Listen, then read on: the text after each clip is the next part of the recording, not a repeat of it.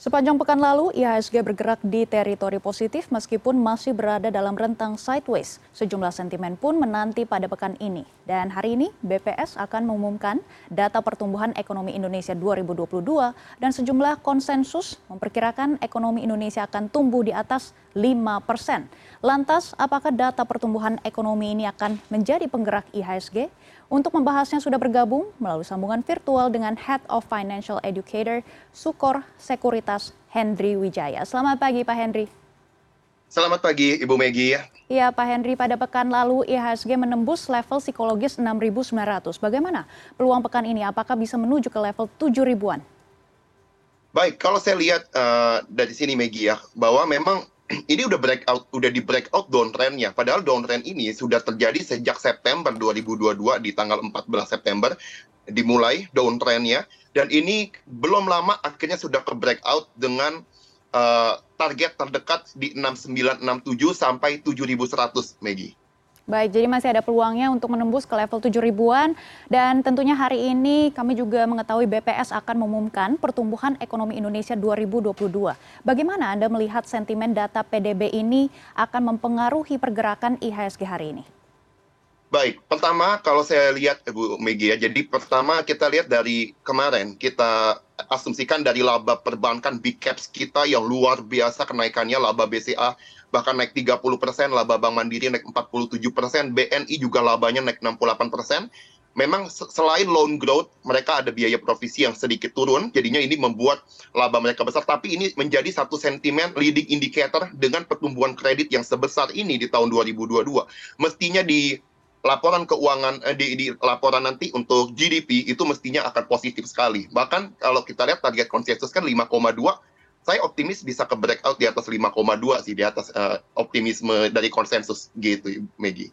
Oke, jadi perkirakan Anda PDB tahun ini, tahun lalu 2022 akan mencapai di atas 5,2 persen. Dan sebelumnya tentunya Anda juga menyebutkan big cap perbankan dan juga sektor teknologi ini menjadi penopang IHSG pekan lalu. Bagaimana sebenarnya sektor... Sorry, uh, katanya putus-putus, Megi. Iya, sebelumnya Anda juga menyebutkan big cap perbankan dan juga sektor teknologi akan menjadi uh, penopang IHSG pada pekan lalu. Dan bagaimana dengan pekan ini? Apakah big cap perbankan dan juga sektor teknologi juga akan menjadi uh, penopang pada pekan ini? Baik, tentu dengan eh, data-data uh, yang terbaru, dengan nanti juga BRI kan hari Rabu nanti akan rilis laporan keuangan.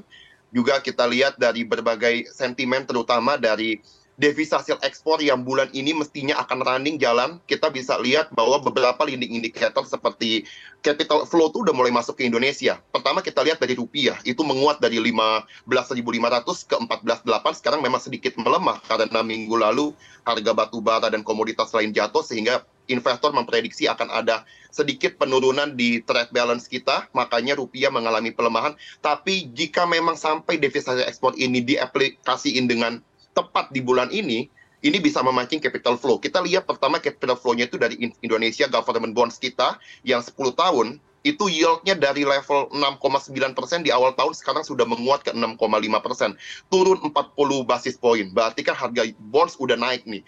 Kalau kita lihat, berarti kalau bonds nanti turun ke 6,3 persen, biasanya secara uh, ini ya secara psikologis itu terlihat mahal di mata para fund dan ini bisa pengaruh nanti ke equity kita karena setelah board nanti ke 6,3 persen saya lihat ini akan mulai akan ada rebalancing nanti ke equity juga makanya saham kalau memang masuk fund-fund besar, otomatis yang paling akan banyak diburu yang pertama yang mewakili kue paling besar di IHSG kita ya market cap perbankan. Jadi perbankan tentu masih akan rally dan uh, minggu ini ya prediksi kami. Dan juga kalau kita lihat dari sektor teknologi minggu lalu memang beberapa sudah larinya lumayan tinggi ya untuk teknologi ya. Cuma memang nggak merata.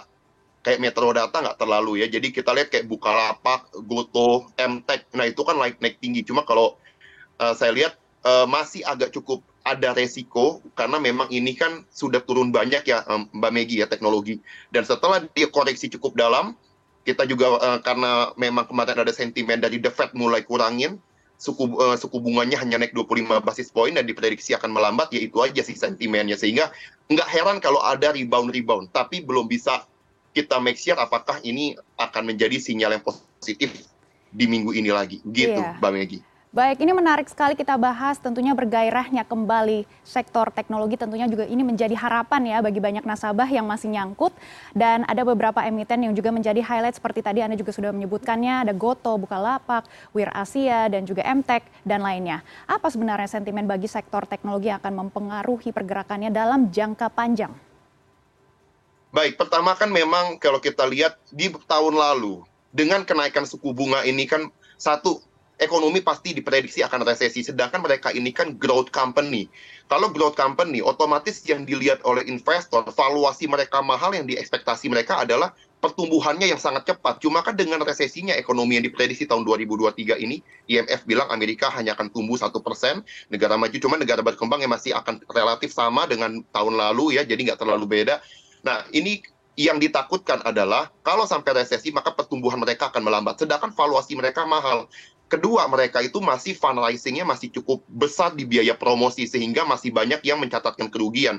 Tentu kerugian ini harus ditopang dengan fund yang cukup besar ya dari investor-investor. Sedangkan kan dengan suku bunga naik, investor kan akan dikasih pilihan. Akan lebih menarik kalau mereka masukin uang mereka ke bonds yang suku bunganya menarik, ke bank juga yang bunganya menarik. Nah, otomatis ini akan membuat cost of fund-nya semakin besar. Dan ini yang membuat udah cost of fund makin besar, suku bunga makin tinggi dianggap akan membuat resesi, itu yang membuat hancur uh, sektor teknologi di tahun 2022. Cuma dengan tahun ini suku bunga diprediksi akan mulai stabil, apalagi kalau betul terjadi perlambatan ekonomi yang sangat uh, ini ya terasa di beberapa negara Eropa sekarang udah mulai kontraksinya udah mulai kelihatan kalau sampai terjadi ternyata QE lagi atau ada penurunan suku bunga untuk menstimulus itu, maka bisa-bisa sektor teknologi yang selama ini sudah terkoreksi sangat dalam, ini bisa rally lagi, Megi, begitu. Baik, kita bahas lebih lanjut suku bunga. The Fed juga memperlambat kenaikan suku bunga acuannya,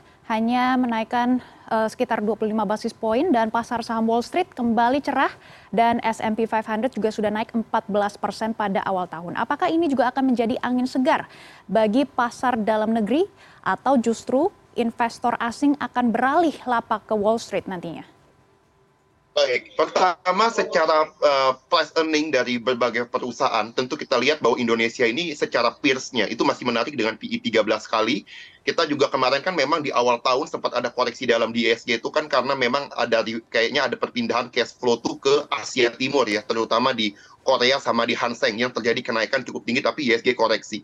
Karena memang valuasi mereka jauh lebih murah, tapi dengan sekarang mereka tuh udah Hanseng udah naik 50%, Kospi juga udah naik ya cukup besar, maka valuasinya menurut saya sekarang itu udah mulai agak uh, ini ya sudah mulai atraktif lagi nih untuk ISG dan ada faktor pendukung yang tadi saya katakan Megi tentang devisa hasil ekspor. Bayangkan kalau devisa nanti ya misalnya rilis laporan keuangan kita lihat ternyata positif di atas 5,2 persen ini bisa memancing capital flow. Kedua devisa hasil ekspor ini memang kalau bulan ini jadi dan memang kita akhirnya dengan ada aturan bahwa bunga falas term deposit mereka akan dinaikkan, kita bayangkan selama ini eksportir kita yang trade balance-nya surplus sejak April 2020, ini bisa-bisa uang devisa ekspor ini akan masuk ke Indonesia.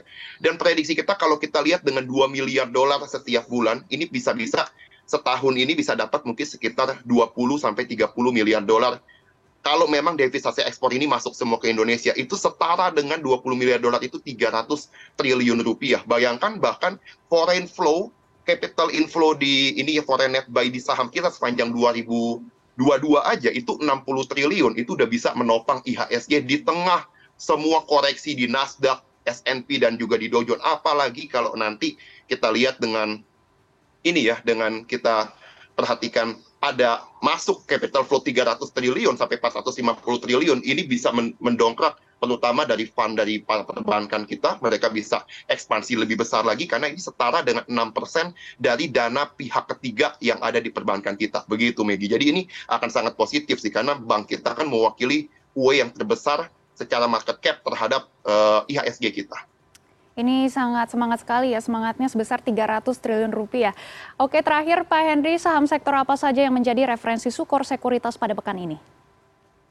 Baik, pertama kalau kita lihat karena Rabu ini ya Mbak Megi ya, kita perhatikan akan ada ini uh, rilis dari BBRI punya laporan keuangan, kita lihat dari bank-bank lain sudah bagus sekali apalagi dengan ppkm sudah dicabut ini akan membuat uh, mikro dan juga usaha kecil ini kreditnya mestinya akan meningkat. Terutama kita lihat dari net interest margin BRI itu termasuk yang terbesar di antara berbagai BUMN. Jadi BRI ini menjadi salah satu yang bisa teman-teman perhatikan uh, karena memang sangat menarik. Rabu ini akan rilis laporan keuangan. Yang kedua, dari MDKA itu juga bisa diperhatikan karena memang di MDKA sendiri anak perusahaannya ya MDM itu akan IPO prediksinya. Nah kalau IPO tentu akan dapat cash flow lagi di MDKA dan ditopang juga dengan tahun ini kemungkinan harga emas kalau sampai The Fed memperlambat apalagi sudah mulai terhenti kenaikan suku bunganya, sudah emas bisa rally. Ya, apalagi nikel juga salah satu dari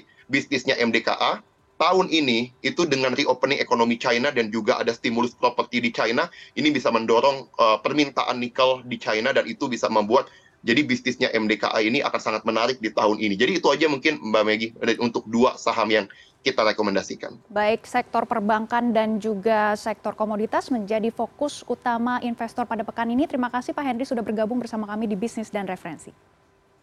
Terima kasih.